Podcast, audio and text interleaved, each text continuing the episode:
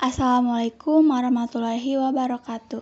Hai semuanya, perkenalkan nama saya Safa Keisha Agnia dari kelas 11 IPA 7 SMA Negeri 1 Cianjur. Di sini saya akan mempresentasikan teks prosedur cara membuat pancake. Cara membuat pancake mungkin sudah menjadi pertanyaan banyak orang yang menyukai pancake. Sebenarnya cara membuat pancake cukup mudah sekali, asalkan kalian mempunyai keinginan dan jangan terburu-buru saat membuatnya. Oh iya, pancake sangat cocok untuk hidangan keluarga, terlebih lagi bila dikonsumsi pada waktu sarapan pagi. Pancake akan terasa lebih nikmat. Untuk kalian yang sangat ingin sekali membuat pancake, Pasti sering bertanya-tanya, bagaimana sih cara membuat pancake yang enak dan mudah itu? Atau kalian punya keinginan untuk membuat pancake bersama keluarga atau teman-teman kalian?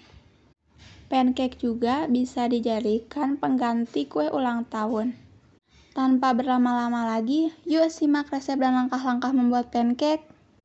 Alat dan bahannya ada mixer atau spatula kayu, garpu, teflon ukuran kecil atau standar, sendok sayur, 100 gram tepung terigu, 250 ml susu cair, 1 butir telur, pisahkan putih dan kuningnya.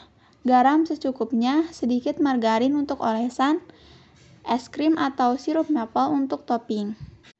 Langkah-langkahnya yang pertama, campur rata dan aduk tepung terigu, garam, kuning telur, dan susu menggunakan mixer dengan kecepatan yang paling rendah.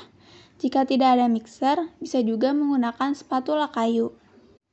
Yang kedua, kocok putih telur sampai kaku dengan garpu. Kemudian masukkan adonan tepung ke dalam adonan putih telur, aduk hingga rata.